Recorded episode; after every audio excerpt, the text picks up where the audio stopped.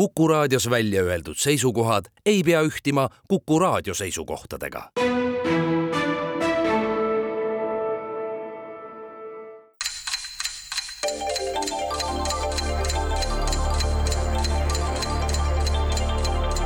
tarkade klubi targemaid küsijaid toetab lisateadmistega Postimehe raamatukirjastus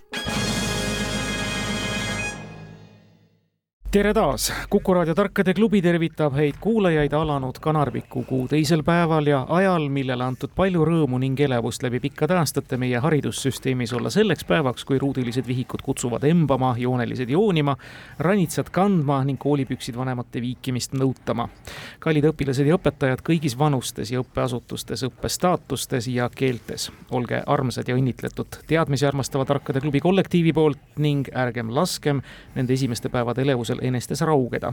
see talletab kogutavat teadmist ja kogemust oluliselt paremini on ka aeg, kus paratamatult kumavad kõrvu Eda Sterni kunagi kirjutatud lastelaulu sõnad. kummisäärik nurgas vastu toriseb, ütleb, et ei taha olla porine. see on paraku paratamatus ning kummisäärikute ja muude kautšuki vulkaniseerimisel tekkivate vettpidavate vormitud materjalide kasutus tiheneb nende vastuseisust hoolimata, nagu ka värskete ellaskorbaati sisalduvate bioloogiliste materjalide oraalne tarbimine nende tahtest või mittetahtest hoolimata. me oleme kalendaarselt hilissuves, mis võib, aga ei või näidata veel siiski abieluranda sõudnud õrnema soo esindajate epiteeti kandvaid ilmastikunähtusi. nüüd, tõmmates krüptilist kõnet koomale, võtame taas tervitada meie muide täna formaalselt üheteistkümnendale hooajale vastu mineva saate külalisi. hea meel on Tallinna stuudios näha laua taga istumas häid kolleege, saatejuhte, mitmekülgseid inimesi, MyHitsi raadio saatejuht, meelelahutaja ja muusik, kes muide teab väga hästi, mis Ruubenile ja Nelele õhtusöögiks on, Indrek Vaheoja tervist! ja Indreku paarilisena Kuku Võuna saatejuht, Postimehe teadustoimetaja ja mees, kes väga hästi teab, millised on elektrit juhtivad polümeerid, Marek Strandberg. tervist! Tartu stuudios on aga hea meel tervitada head tudengit ja maletajat, kes on hästi kursis sellele, mis järgneb enamasti kombinatsioonile E4-st C5, mida asjaomased tunnevad ka Sitsiilia kaitse nime all, Karmen Viikmad. tere! ja Karmeni paarilisena loojat ja kultuuriinimest, kes teab täpselt, kellel on träpsulised silmad, Andres Keili. tervist! Hea meel on teist taas. nüüd tahame teada, mida te veel teate ja täpsemalt siis head küsijad on need, kes tahavad teada. Kivimäe koolis uut õppeaastat alustab ajaloo ühiskonnaõpetuse õpetaja Margus Pillau, raadiokuulaja Tarmo Niinepuu ja Helsingi hõbe Vladimir Suhharev teemad, millega teid proovile paneme, on järgmised. Žive Belarus, praktiline toodang ja leiutised, ajaloolised kõned, kultuur ja vaaria. täna on avavalik õigus Tallinna tarkadel Indrek ja Marek, palun. alustame kohe ikkagi Vaaria küsimusega. alustame kohe Vaaria küsimusega selles mõttes, et ega jah, nagu ei midagi teadvad inimesed ikka. valimiskampaania on poliitikutele sama, mis sportlastele meistrivõistlused. mõlemad nõuavad täielikku pühendumist ja maksimaalset pingutust. tänavu, neljandal veebruaril üks kuu ja üks päev enne Riigikogu valimisi suutis üks Eesti mees, praegune minister enda jaoks need kaks asja ühendada. ühes spordiala maailmameistrivõistlustel veteraniklassis osaledes ning samal ajaperioodil siiski küll ise otseselt parlamenti kandideerimata enda erakonna parima tulemuse nimelt tegutsedes. Kes ja mis spordialal, kõlab küsimus veteranide hulgas jäi ta teiseks, üldarvestuses üheksandaks. vihjeks nii palju, et valitsuse liikmetest säravaima tippspordi minevikuga Madis Kallasega seekord tegemist ei ole, kuigi üks teine Madis Kallase nimeline meie siinkohal küsitava ala kõnealuses kitsamas distsipliinis samuti tipptegija on ja mainitudki võistlustel pronksile tuli, seega siis parimate hulgas ennast näitas. mis minister ja milline spordiala? praegune minister parlamenti ei kandideerinud. just. väga palju neid ei ole, üks on, aga spordiala Pole aimugi, neljandast veebruarist. kes see minister on? see on Tiit Riisalu, aga spordiala, mis sporti tehakse neljandal veebruaril? jääpurjetamist vaevalt, et ta jääpurjetaja, ta on pigem nagu ikka selline nii-öelda suusatamine, laskesuusatamine. kas spordi, no ma ei vaadanud nüüd selle, selle nagu saatejuhi silmadesse, kuigi sealt ei näe midagi, aga ilus ikka vaadata. ei, on, on, on, on, aga, aga et kas see Tiit Riisalu peale mingisugune väike sähvatus käis läbi või ega mingisugune noh no,, tõstja ta ei ole, eks ole. sisealasid saab ju kõiki teha. sisealasid saab kõiki, aga ega ta ei ole ka siseala mees, ta on rohkem ikka niimoodi, et tuhat kilomeetrit ujumist, siis kaks tuhat kilomeetrit rattasõitu ja Triatlani siis nagu ma ei kujuta ette, ma ei. või laskmine äkki see on nagu sihuke ka vaata, kus, mis on Eestile ju palju kuulsust toonud ala no vot seda oleks nagu kuulda, et noh, öelda.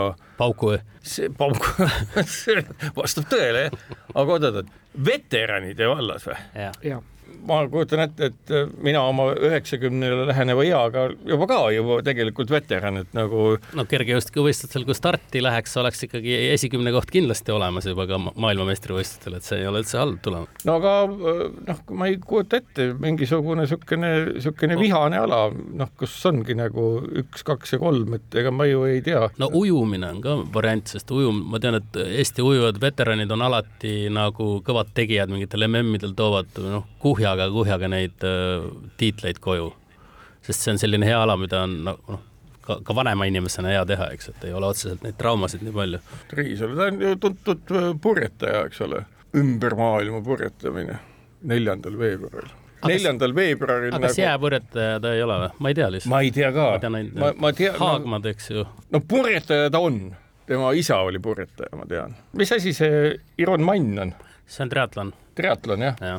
võib ka muidugi pakkuda seda umbes aga ütleme, et nagu niisugune mitmikspordi ala. triatlonimees meil on Ligi muidugi, et see on nagu. no aga Ligi kandideeris, noh ta ja ei ole minister. ja, ja. ega me muud ei oska pakkuda, kui see, mis oli. pool punkti. pool punkti, aga mille eest nüüd siis? no ikka Riisalu Karmen Andres. Pole õrna aimugi. me veel ei vasta, mul on nagu kuklas on mul niisugune tunne, et on püssitoru on kuklas, eks ole, laskmine nagu, nagu. aga aga mõtleme korra selle peale, kuidas see teine Madis Kallas oli sama spordiala kitsamas distsipliinis või? täpselt. okei okay., see tähendab seda, et kitsamas distsipliinis tipus see tähendab seda, et see ei saa olla suusatamine, sest et Äh, noh, erinevad distantsid ei ole kitsamad distsipliinid ja tipus ei saa olla nagu ainult mingisugusel nagu ma ei tea, kümne kilomeetri sõidul veteranide hulgas, eks ole. aga, aga kitsam distsipliin ongi näiteks noh, tõepoolest laskmisel on kitsam distsipliin, kitsam distsipliin on näiteks vehklemises, eks ole, espadron florett äh, on kitsamad distsipliinid ühe spordiala sees, epee ka, eks kergejõustikus on kitsamad distsipliinid no, a la kõrgushüpe, noh, ühesõnaga selles mõttes, et, et me peaksime mõtlema nagu sinnapoole. no vaevalt, et see kergejõustik on, sest sisekergejõustiku MM-i veteranidklassis ei tehta ja üldiselt äh, ma arvan vähemalt ei tehta, aga kuulnud ka ei ole, noh. üldse ei ole. ma arvan, et see on ikkagi nagu noh, vehklemishooaeg on äh, küll ju, eks ole, mitte suvel. talvine periood, ma mõtlen seda, et, et see info, et ta ei kandideerinud, oli lihtsalt nime välja selgitamiseks, ei ole nagu üldse seotud, absoluutselt mitte mm. -hmm nagu mul ketrab see vehklemine, aga ma ei tea, kas riskime või? no riskime, ega meil ei ole ühtegi infokildu, millest kinni võtta. oota korra, oota korra um,, teistpidi jälle. ei, võistkonnasporti ma välistaks täiesti. aga, teistpidi jälle, eks ole, noh, vehklemine, miks see peaks talvel olema? ma arvan, et see peaks ikkagi selle, selles mõttes see peaks olema talveala, sest vaata, kui me korraldame veteranide võistlused, veteranid on tööinimesed Äh, enne pensioneerumist on nad väga kaua aega veteranid, äh, suvel on inimestel puhkused, suvel on lihtsam korraldada kõiki, kõiki neid alasid, kus ei ole sul vaja nagu külma ja lund. Külma ja lund on sul vaja suusatamises, laskesuusatamises, mäesuusatamises, suusahüpetes, uisutamises, aga äkki on uisutamine? kuulnud küll ei ole, noh lihtsalt uisutamine kaval, ei anna ka lihtsalt uisutamine punkti, ehkki te olete oluliselt lähemal, talialaga tegemist on ja nõnda spetsiifilise alaga, kui seda on talisurf. nii et purjetamisega ma oleks võib-olla isegi täispunkti teile andnud. purjetamise all. talisurf. just nii. see on see põhimõtteliselt, kus on nagu. jääpurjetamine on nagu, jääpurjetamine nagu. jõle laual. talisurf. distsipliini järgi täpsemalt siis talilohesurf. talilohesurf. Need maailmameistrivõistlused peeti muide Võrtsjärvel, mille kolm distsipliini olid siis kavas, lohed, tiivad ja kelgud. Karmen Karmen ja Andres, teie valik. nii, kas leiutised või kultuur? mina pakuks, et kas kõned või kultuur. no sellisel juhul meil kattub siin kultuur. siis olgu, olgu siis kultuur küsimus kultuurist. ülemöödunud laupäeval, üheksateistkümnendal augustil sai kuuekümneseks kaheksakümnendate menuka glammirocki ansambli Europe solist kodaniku nimega Rolf Larson. teatakse teda põhiliselt aga varjunime järgi, mille teine ehk perekonnanime osa on inglisekeelne William Shakespeare'i ühe näidendi pealkirjast ja me küsime, millise näidendi. täispunkti saamiseks küsime nii inglisekeelset originaali, kus mainitud pseudonüüm tuli, kui ka eestikeelset tõlget. selle viimase eest on erinevatel aastakümnetel veidi erineval moel hoolitsenud vähemalt kolm meest. Ants Oras, Jaan Kross ja ühe konkreetse lavaversiooni jaoks kohandatuna ka meiegi saates tihti esinev Peeter Volkonski. niisiis Europe'i solist Rolf Larsson mm. -hmm nii, aga hakkame nüüd mõtlema Shakespeare'i näidendeid, mis on üle tõlgitud. torm on üle tõlgitud oot-oot-oot, kuidas see oli eesti keel või inglisekeelne pealkiri ja tõlge, eks ole? just, eestikeelne tõlge. selge, siis see, siis see peab olema a la Much ado about nothing või, või siis Palju kära ei millestki on üks variant äh,, suveöö unenägu, Midnight summer dream, eks. kas suveöö unenägu on ka eraldi tõlgitud minu arust pööriöö unenäoks? ei oska kinnitada ega ümber lükata. ma tean, et Volk on tõlkinud koos Willemsoniga neid, aga minu arust ta midagi tõlkis üksi ka, aga mis see oli? Perikles, seda ta tõlkis minu arust ka NO teatri, ta NO teatrile on tõlkinud. NO teatris istumislavastusena tegi, Tooming tegi selle vana Šoti loo, mille nimi ei tohi, nime ei tohi ütelda, vähemalt teatriselt teat-, näitlejad ei tohi seda ütelda, Antonius ja Kleopatra. Aga noh, need komöö-, komöödiad veel on, eks ole, Tõrksa taltsutus. aga kuidas see kõlas, et üks pool ainult sellest pealkirjast on siis tema varjunimi? ei no pealkirjast võetud. pealkirjast võetud. Mm, oota, kuidas on Tõrksa taltsutus inglisekeelne originaalpealkiri üldse, oota? Merchant of Venice, Veneetsia kaupmees, pööri unenägu. see peab olema ka midagi sellist mis on, äh, et see nagu inglisekeelne sõna seostub ainult äh, Shakespeare'i näidendiga, sest muidu see võiks olla ükskõik mm -hmm. kust mujalt võetud, on ju nii, eks? kui just ei ole lugu taga. jah, palju kära ei millestki langeb ära, sest see võib olla ükskõik mis, eks. suveunenägu, no see võib ka olla nagu noh, ükskõik mis, eks ole, noh, on suve, on unenägu. Hamlet, tõlgitud Hamlet ja Hamlet on Hamlet. kuningas Richard Kolmas, kõik need Antonius ja Kleopatra oh,. Oh, oh. mis selle Periklasega on? Perikles oli, no vot, nüüd on ausalt öeldes on natuke piinlik, sest peaks kogu Shakespeare'i peaks ju nagu une pealt teadma, eks aga kas Perikles oligi Perikles või? lihtsalt Perikles, noh, torm, no storm, noh äh,. aita, Karmen, noh ma ei oska aidata. Liir aga äkki tõlkis Volk Liiri see Draamateatri lavastus, kus oli, see oli Peda, Pedajase lavastus, Pedajas on Volkonski kursavend, Ita mängis seal kuningas Liiri, noh ja Liir on küll noh, see, mis saab olla ainult äh, Shakespeare. paneme lukku, me ei mõtle muud välja nagunii liir. tõrksa taltsutus, liir, no olgu liir siis jah, tõrksa taltsutus mul ei ole kahjuks õige vastus. aga nojah.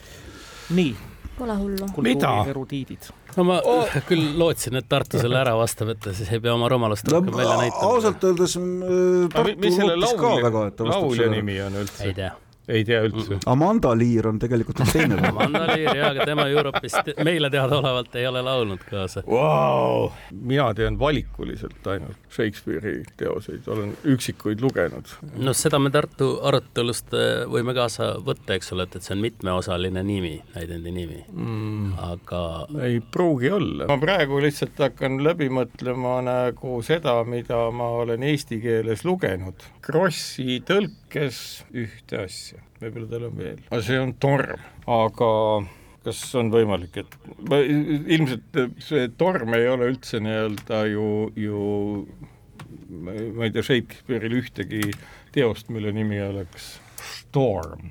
Hmm.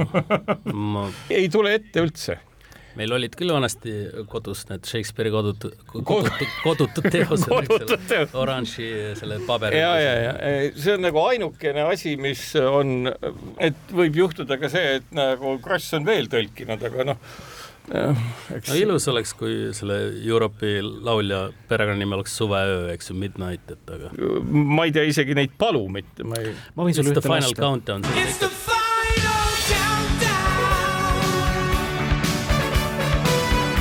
Ma seda pala tean, aga seda nagu, nagu, et et ja seda on esitanud siis äh, ansambel Europe. ansambel Europe ja laulja, solist äh, Larsson.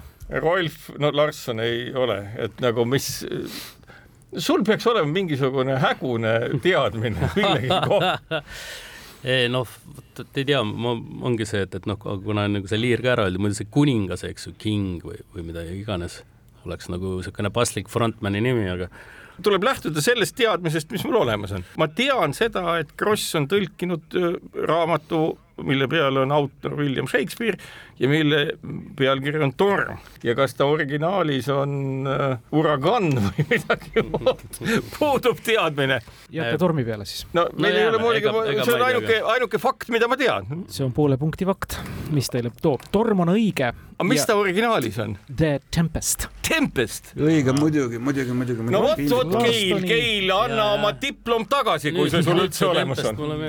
Rolf Larssoni artisti nimi oli Joey Tempest ja selle ta võttis tõepoolest vastavast näidendist Tempest.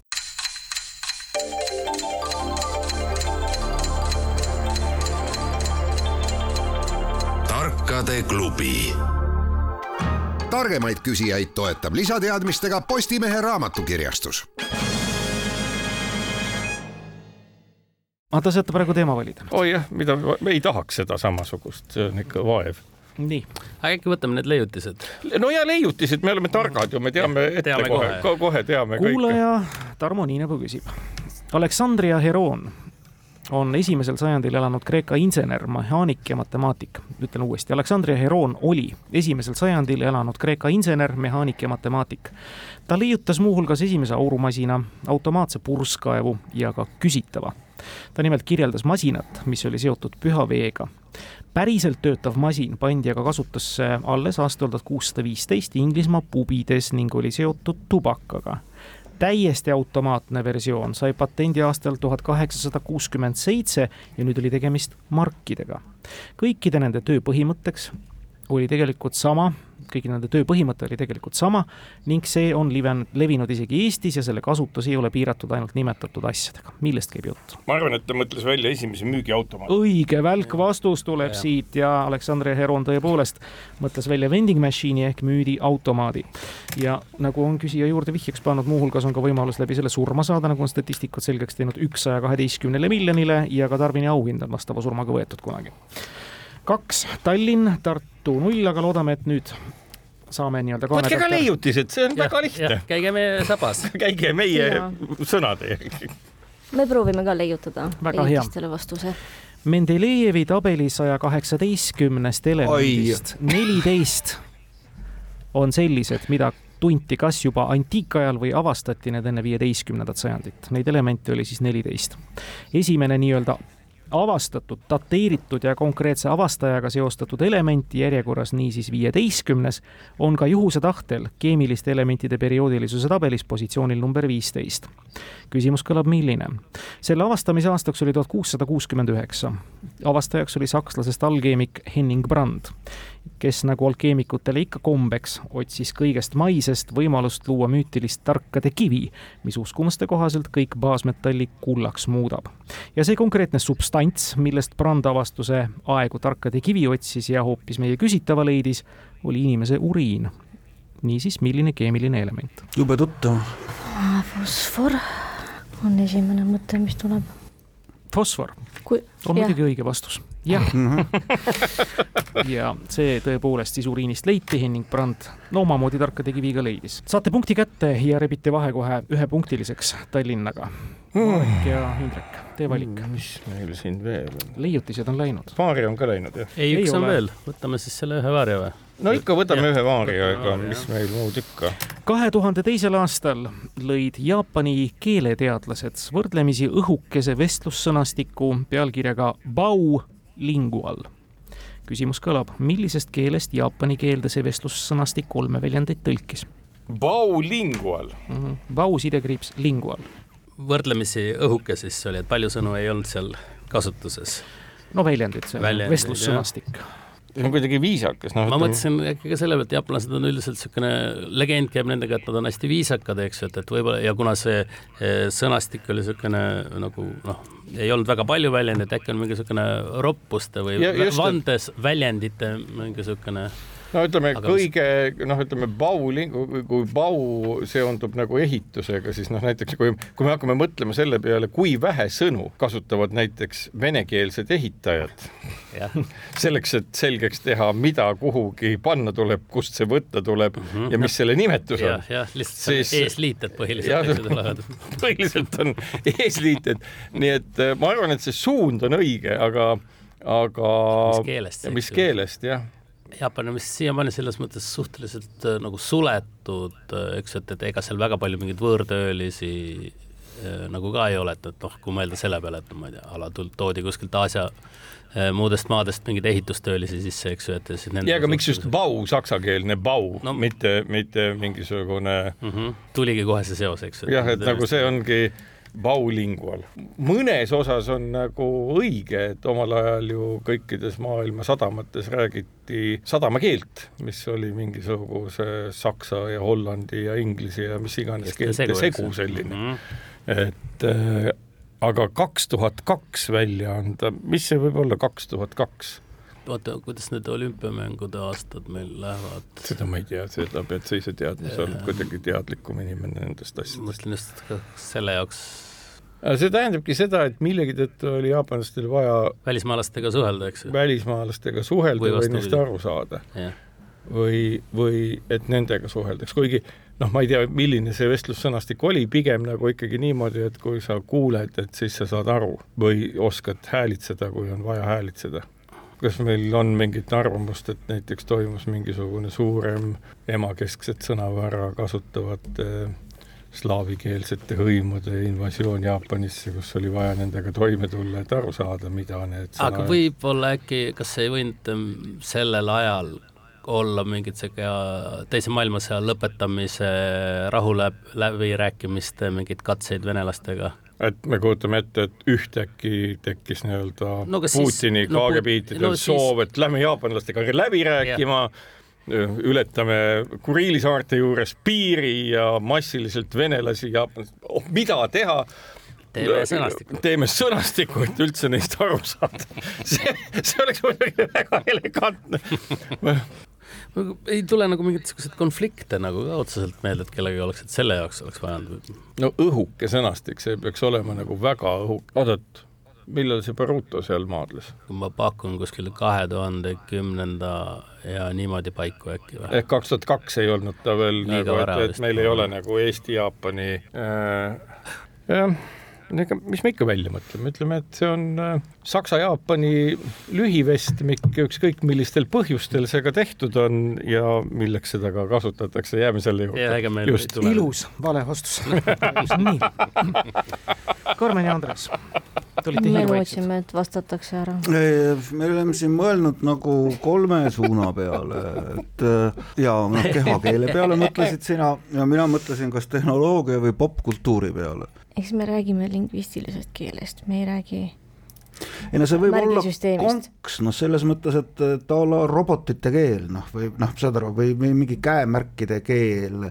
vaata, kaks tuhat kaks on nagu vara on kõikide selliste äpinduse ja kogu sellise asja jaoks, eks ole, noh, iPhone tuli kaks tuhat seitse, kui ma õieti mäletan. aga noh, millisest keelest, ma ei tea, loomade keelest, kehakeelest tõepoolest, noh, sest vaata, kehakeel iseenesest nagu selles mõttes ju võiks sobida, eks ole, et noh, et kuskil tähendab noogutuseitust, kuskil tähendab jaatust, eks. kui jaapanlane räägib tulevikust, siis ta näitab käega selja taha, kui meie räägime tulevikust, me näitame käega ettepoole, eks ole, noh, tulevikku ei näe, noh, saad aru, noh, mingid see, noh, mingid mingid nagu sellised asjad, et äh, et avame oma kultuuri eurooplastele ja noh, mingi kehakeele nagu selgitus, aga, aga noh, samas äh, kui sa lähed Itaaliasse, ega sa ka päris täpselt aru ei saa, mida sulle nagu iga nagu kehakeele märgiga seal nagu ütelda tahetakse, kus kätega räägitakse. no see vist on ikkagi juba nagu täitsa absurdne, kui, kui võtta mingi C jaapani keelde ja tagasi või JavaScript jaapani keelde või noh, mingi programmeerimiskeel tehnoloogia või, või siis nagu üks variant on veel noh, mingisugune nagu popkultuuri sõnastik, aga mis meil sai olla kaks tuhat kaks, noh, kuna need Tamagotšid olid, need olid omakorda mingi kümme aastat varemad, eks mm, -hmm. vanem, varem on ju nii mm. -hmm Jaapani keeleteadlased, järelikult oli kas poliitiline suundumus. ja oli keeleteadlased ka. ja Jaapani keeleteadlaste rühm. noh, mingi ühiskonna avamine või siis tõesti nagu tehnoloogiline kuidagi noh. ma tean, et jaapani keeles seljakott on ryukusaku. aitab meid palju kindlasti praegu. tõepoolest, seljakottide sõnastik. no aga aga mis me siis valime, kas me valime nagu tehnoloogia või me valime ma arvan, tehnoloogia sõnavara on nii lai ja rikkalik, et õhukesest me kindlasti ei räägiks sellise ei no aga see peab olema mingi kitsas tehnoloogiline noh, oota, kas mingi Star Wars või mingi niisugune asi ei tulnud kaks tuhat kaks või noh, et, et ta on mingi nagu popkultuur, noh, noh, ühesõnaga, et aastal kaks tuhat kaks oli jõudnud äh, globaalses üldkultuurilises äh, maailmatajumises kätte hetk, kus äh, teatav äh, kultuuriline nähtus äh, vallutas maailma ja Jaapani muidu ikkagi suhteliselt kultuuriliselt suletud ühiskonna keeleteadlased ei saanud enam teistmoodi, kui tulla rahvale appi, aitamaks tõlkida selle globaalse kultuurilise nähtuse mm, siis nüüd terminoloogiat jaapani keelde kui saaks selle veel jaapani keelde tõlkida, ma arvan, et sul oleks kohe seal tööd. ei ole see kahjuks õige vastus, kuulasin huviga sõnastust muidugi. see võti peitus tõesti sõnas bau, mis on tulnud jaapani keeles, see tähendab jaapani keeles auh, tegemist oli kuerte keelega oh, kui tore auh sõnastik. kuidas me küll välja ei mõelnud. kas see oli pauk või bau? bau, bau, bau, bau on jaapani keeles auh, auh, jah. ega midagi, me läheme edasi, meil on pool mängu selja taga. Tallinn kaks, Tartu üks, Tartu valib kultuur, no, Belarusi ajaloolised kõned. ei no aga kui me ikkagi kõnede peal juba oleme. hästi, ajaloolised kõned. päevitununa ja enesekindla energialainel püsivana siia stuudiosse kogunenult meenutame aega kolmkümmend viis aastat tagasi. toonast suve, tuhat üheksasada kaheksakümmend kaheksa, nimetas Heinz Valk oma kuulsas üheteistkümnenda septembri Lauluväljaku kõnes viimaste aastakümnete joovastaivamaks järgmine märkimisväärsem massikoosviibimine oli siis Rahvarinde kongress linnahallis esimesel-teisel oktoobril. üks põhiülesastujaid oli seal Marju Lauristin, kes muuhulgas lausus Shakespeare'likult, et stalinistlike mõrvade ja ülekohtu vari kutsub meid haarama mõõka hädamere vastu. terve rahva jaoks on tõusnud küsimus olla või mitte olla ja vastus saab sellele olla ainult üks, olla, tingimata olla osundatud kirjandusklassikast inspireeritud fraasi eel oli aga Lauristin välja toonud veel ühe lööklause, mis küsimuse vormis oli ja tegelikult tsitaat, mida esimest korda kaks aastatuhandet tagasi oli küsinud autoriteetne juudi rabi Hillel. tuhande üheksasaja kuuekümnendatel näiteks USA-s mustanahaliste õiguste eest võidelnud aktivist John Robert Lewis ja hiljemgi kasutusel olnud kas või ühes Obama kõnes kongressi ees.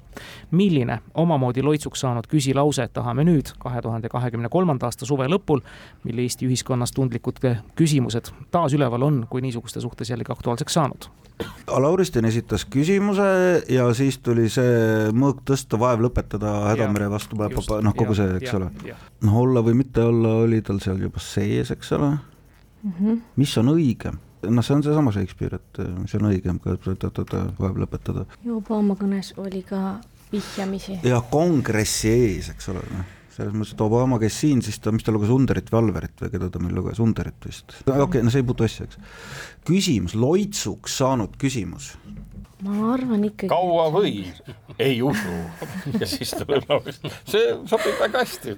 ei no, no loogika on see, et noh et kaua sa kannatad? no aga see ei lähe praeguse kontekstiga kokku. ei no kaua võib, miks ei lähe, ses mõttes, et no, see, no need pagana kes ah, need, mis ei no siin on tegelasi, kes äh, tahavad teha ju kõike nii vastikuks kui vähegi võimalik no,. proovi tunnetuslikumalt, see on rahvuse püsimisega seotud. tegemist on äh, oktoobriga kaheksakümmend kaheksa. Põhiline küsimus oli see, et et kaua me kannatame seda Nõukogude jura, eks. minu loogika ütleb midagi sellist, et noh, et, et see on nagu, mina ei oskaks vastata muud, kui et see et selle küsimuse nagu idu on see, et kaua võib. mina ütlen, selle küsimuse idu on rahva püsimajäämine ja autonoomsuse küsimus. aga kuidas? aga kuidas seda väljendada, seda mul ei ole, nii et kui sa tahad oma fraasi öelda, kaua võib ja sa ütled, et see on loitsuks saanud, me võime proovida, sest minul seda fraasi ei ole pakkuda. see on väga ilus eestikeelne, kaua võib. nii, kas te jõuate konsensusele no tuleb nii välja, kuigi tõesti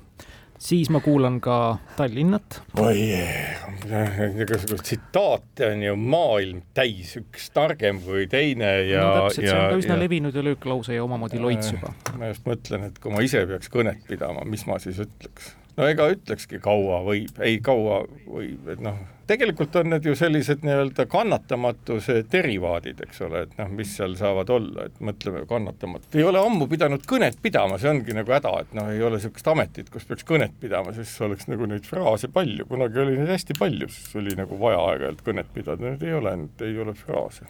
aga kas seal ei võinud olla nagu niisugune, et Lauristin kasutas mingit niisugust, et kas me peaksime olema nagu üks mees, et sest noh, praegu tänapäeval on ju väga niisugune tundlik see kõik see sooteema ja nii edasi, et, et kas no ühtsuse, vot see ongi nagu, et mida mi,, mi, mis oli probleem, et noh, et kui me kujutame ette kaheksakümne kaheksandat aastat, mida ma kujutan väga hästi ette, see oli nagu selline noh, lihtsalt noh, tunded olid nagu, et noh, et noh, piltlikult öeldes, et kui nüüd ei tee, siis on tegemata. No, nagu, nüüd on ajalooline võimalus. nüüd on ajalooline võimalus ja täna tunneb kogu Eesti rahvas kui mitte nüüd, siis millal? Kui mitte meie, siis kes? vot nii. no siis oligi see. see oli täpne vastus, ma isegi mm -hmm. mõtlesin, et kui sa oleks väga kaugele ujunud, ma oleks Tartule pool punkti andnud, sest kaua võib mõte on sama. aga sa ütlesid täpselt selle ära, nii et kui mitte nüüd, siis millal, kui mitte meie, siis kes? vaata, kui tark juut oli omal ajal. nojah, mina, no, mina olin sellel ajal üheteistaastane ja rahvarinne no, seda... oli nii punane minu jaoks, et, et see Just. nagu ei, ei. on aru saada, et sul ja. puuduvad nagu tegelikult Eesti iseseisvuse juurtega üldse mingid kokkupuuted. no metsavendlus oli, oli teema nagu minu jaoks. Tallinn kolm, Tartu üks pärast kuute küsimust, nii et kõik on veel võimalik, aga raskelt tuleb, tuleb möönda.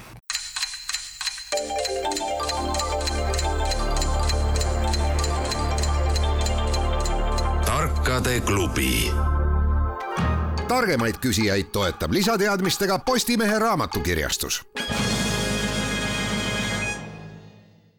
Indrek, Marek. oi Jeerum, mis meil alles no, on jäänud? Valgevene on ja ajalooline kõne ja kultuur, kui siis võtaks selle ajaloolise kõne äkki või? oi, see on see ikka on nagu raske, peavalu, see on. proovime nagu... Valgevenet või võtame kultuuri? võtame kultuuri, noh, sa oled ikka kultuurne inimene, oskad laulda ja tunned muusikat ja oled kaevanud kultuuri isiklikult ja, välja maa seest. tean kolme kohalikku keelt ja oskan vigadega kirjutada. see on õige, meie võtame kultuuri ainuüksi Ameerika Ühendriikides elab neid kaksteist miljonit rahvusvaheline liit, mis võitleks küsitavate õiguste eest ja võitlebki, loodi aastal tuhat üheksasada kaheksakümmend seitse Californias Stephen Douglase eestvõttel.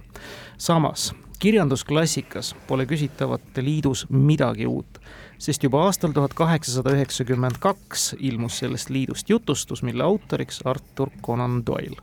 kellest käib jutt? krüptikat täis küsimusi. on mm. -hmm kaksteist miljonit. kas, no mul kohe meenub nüüd siis seda, et äh, Sherlock Holmes, eks ole, oli uimasti tarvitaja, et kas see ei ole mingi rahvusvaheline mingi uimasti tarvitajate liit või midagi sellist? kaksteist miljonit äh, uimasti tarvitajat USA-s on palju meil, kolmsada millegagi. väga väike hulk, seal on neid kindlasti rohkem, aga noh, nii-öelda mm, kas me Conan Doyle'ilt teame peale Sherlock Holmesi asjade ka midagi või?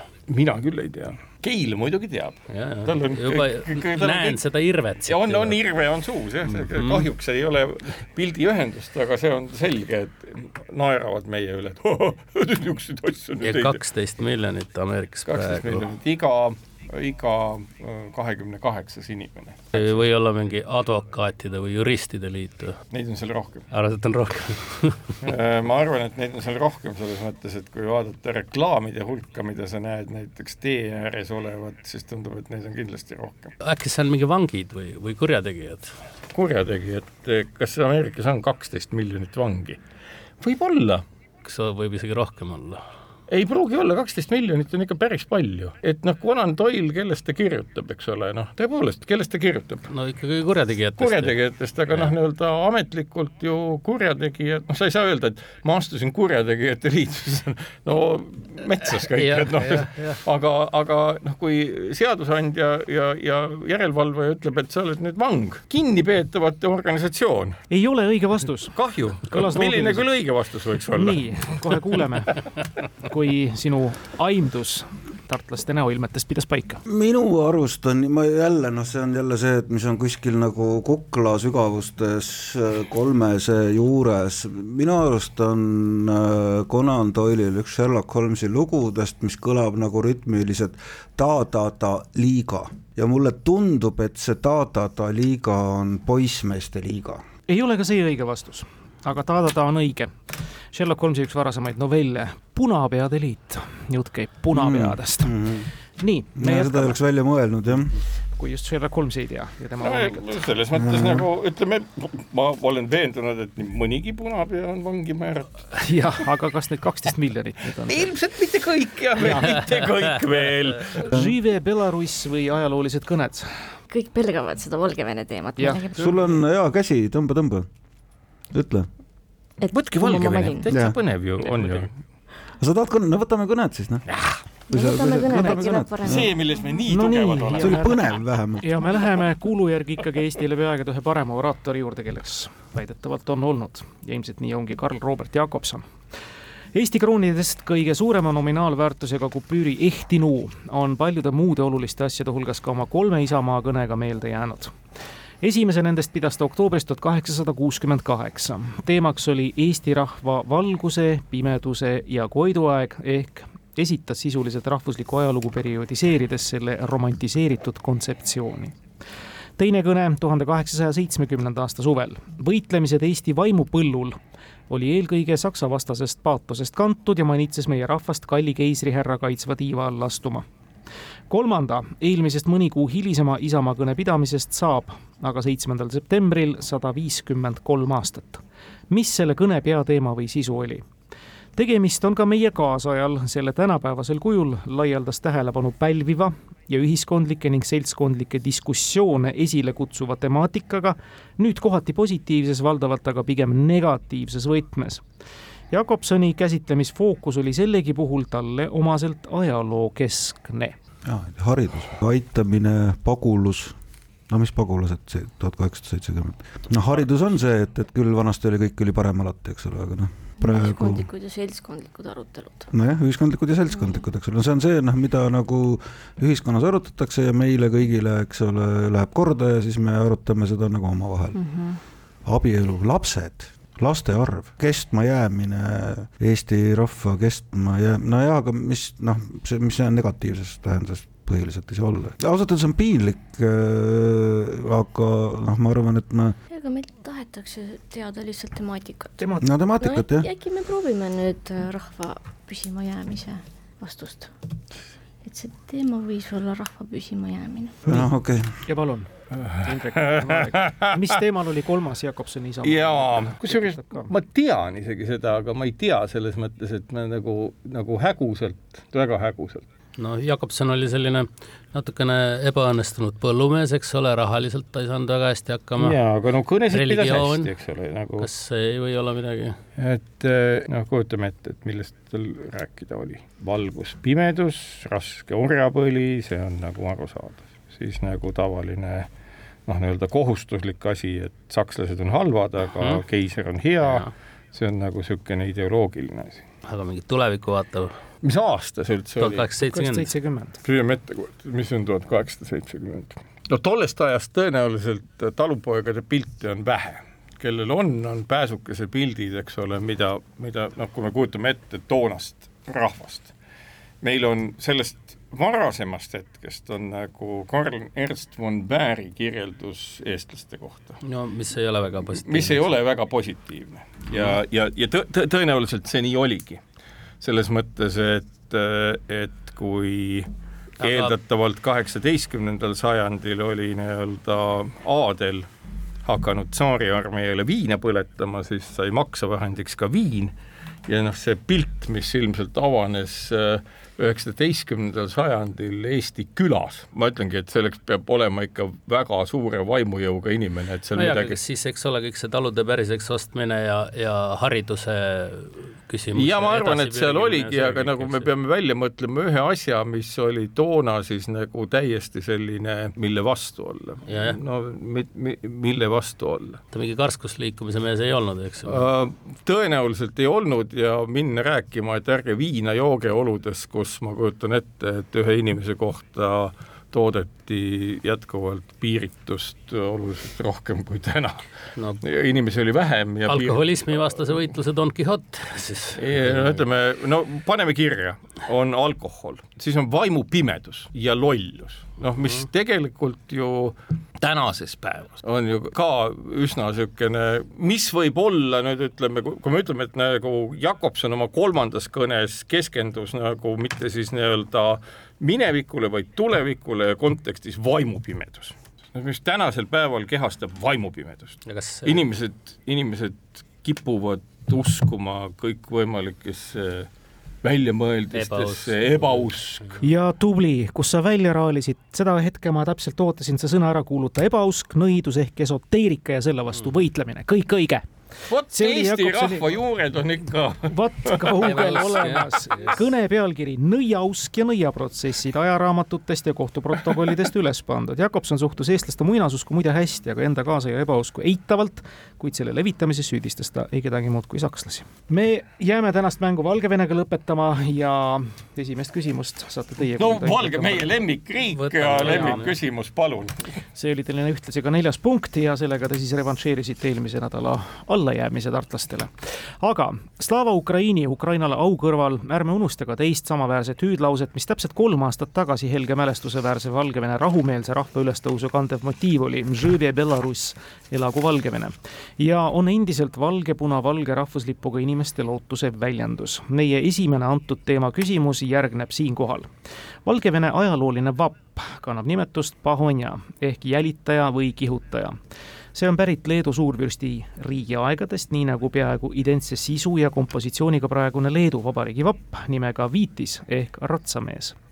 valgel hobusel ratsanik hoiab paremas käes tõstetud mõõka, vasakut õlga katab kilp, millel on kahe horisontaalpuuga rist, ülemine kahest horisontaalist on veidi lühem see nõndanimetatud kuueharuline rist kannab ristitüübina ühe Euroopa ajaloolise piirkonna nime millise piirkonna, kõlab küsimus. nõnda nagu Valgevene ja Leedugi on küsitav ala pidevalt oma suure idanaabri ja suure läänenaabri vahel käest kätte käinud, nüüdsel ajal nendest ühe koosseisu kuuludeks. vihjeks veel, et kirjastuse kunst taskuformaadis sarjas muinaslugusid kogu maailmast ilmusid tuhande üheksasaja seitsmekümne viiendal aastal Anne Kallingu tõlkes nimelt just selle regiooni lood. Need on need väiksed raamatud, üheksasada seitsekümmend viis. lood Lotringist oli õige, Lotringi lood ja Lotringi rist, no suurepärases vormis tänaseks laupäevaks ja teiseks septembriks nagu olema peab. mul olid kõik need olemas. kõik olid olemas, kirjeldamatu praegu. see on uskumatu, kuigi Lotringi lugusid ma olen lugenud, aga vot mul Lotringi rist ei tulnud praegu ette. ei, rist ei tulnud ette, jah tõesti, kuulub Colselt Saltsiga praegu siis Prantsusmaale ja on prantsusepäraselt siis Lorraine. üheksateistkümnendal, kahekümnendal sajandil periooditi Saksamaal olnud Lotringi rist, muinasjutukogu siis lood Lotringist, punkti oleksite saanud ka Anjou eest. see on hea, kui on tarkade inimestega koos võimalik mängida. ei olnud Valgevene teemas näed midagi hullu ja ma usun, et väga... demonstreerime ka seda kohe tartlaste peal. Karmen ja Andres, nimetage see tuhande kaheksasaja kaheksakümne seitsmendal aastal Vitsepski kubermangus sündinud ja peaaegu sajandi vanuseni jõudnud ehk täpsemalt tuhat üheksasada kaheksakümmend viis lahkunud tuntud isik, võib-olla Valgevene pinnal ilmale tulnutest üks tuntumaid üldse, kelle perekonnanimi ühe aastatel tuhat üheksasada kakskümmend kaks kuni üheksakümmend kolm elanud Narvas sündinud tunnustatud Eesti muusika omaga kattub. Nende võimaliku omavahelise sugulase kohta meil andmed puuduvad kas Asimov ei olnud Valgevenes sündinud või? kas sul on teadmisi Narvas sündinud? Asimovit ei, puuduvad, aga kuskilt ta kohvris viidi sinna Ameerikasse lapsena ja väga vanaks tema elas. kui see õige oleks, oleks Timo juba öelnud praegu sulle mm. -hmm ja eks ta eks tõenäoliselt ikkagi mingi vene nimi peab olema, kaheksakümmend viis surnud. Valgevene tuntuimad kirjanikud. ei no, ei ma, ei ma, ma julgen, ei ma julgen arvata küsimuse sõnastusest lähtuvalt, ma julgen arvata, et ta oli maailmakuulus a la maailmakuulus kirjanik või maailmakuulus, ehk siis, et ta, et ta on Valgevenes sündinud, aga tema noh, hilisem elu ei ole kuidagi nagu väga Valgevenega seotud, vaid ma pigem arvaks, näiteks USA. ma arvaks, et ta on tuntud ja teada kui Valgevene üks tuntuimaid isikuid. ei no jaa, aga kaheksakümmend viis, kui ta suri, kui ta oli Nõukogude Liidus kaheksakümmend viis, palju nagu maailmakuulsaid Nõukogude inimesi nagu üldse on, noh, mis ta on, Suhharev või mis ta oli, eks ole, siis äh, midagi sinnakanti teadlaste poole võib vaadata. ma ei tea, see Narva äh, muusik, see nii, see eksitab ja segab, ma, mul pole õrna aimu ka, kes no, võiks no, olla. aga meil ei ole võita ega kaotada midagi me ei pea pingutama. äkki vastased tahavad Malevitš veel... ei olnud ju Valgevene mm,? ma ei tea küll, minu teada mitte, aga see, see peaks olema umbes selline kaliiber mm -hmm. nagu mhm. Malevitš, Asimov mm, -hmm. noh, midagi sellist, eks ole, Chagall. laseme vastastel okay. särada. laseme teil särada, sa ütlesid selle nime ära tegelikult see on Mark Chagall loomulikult. Chagall, okei okay.. viiuldaja Jossif Chagall, Mark Chagall veetis siis eluõhtu Prantsusmaal, Jossif Chagall okay, okay. Iisraelis kuna see kõlas ära ja kuna ma olen siin hooaja alguse puhul ikkagi vastu tulnud esimese hüüatuse peale. ja nagu öeldud, kaotada pole midagi, küll aga siis võita terve mängu lõpupunkt, mäng lõppes seisuga viis-kaks Tallinnale Indrek ja Marek said suurepärase revanši eelmise nädala me oleme, irvitame kahjurõõmust nagu ja. ikka tavaliselt eestlased Tallinnas. jaa, Šagall oli veel kirjas ka. kuulge, aga selle pika ja raske mängu peale, mis siiski palju punkte tõi, valime siis ka teie arvates parima kuuldud küsimuse välja. tegelikult koera sõnastik. koera sõnastik on hea ja teine asi on loomulikult seesama Jakobson, millest ja, ka... me, me ei tea tuhkagi tegelikult, nagu välja tuleb, nagu välja tuleb niisiis, koerte keele sõnastik, Vladimir Suhharev on selle küsimuse meile saatnud, Helsingi hõbe, nagu ta ennast tituleerib. olgu ta õnnitletud ja saadame talle siis ka Eesti Loodusmuuseumist hinnatud seenenäituse raamat. aitäh, Indrek, aitäh, Marek, suur tänu, Karmen, suur tänu, Andres Tartusse, soovime teile ilusat hilissuve jätku ja uute kuulmisteni.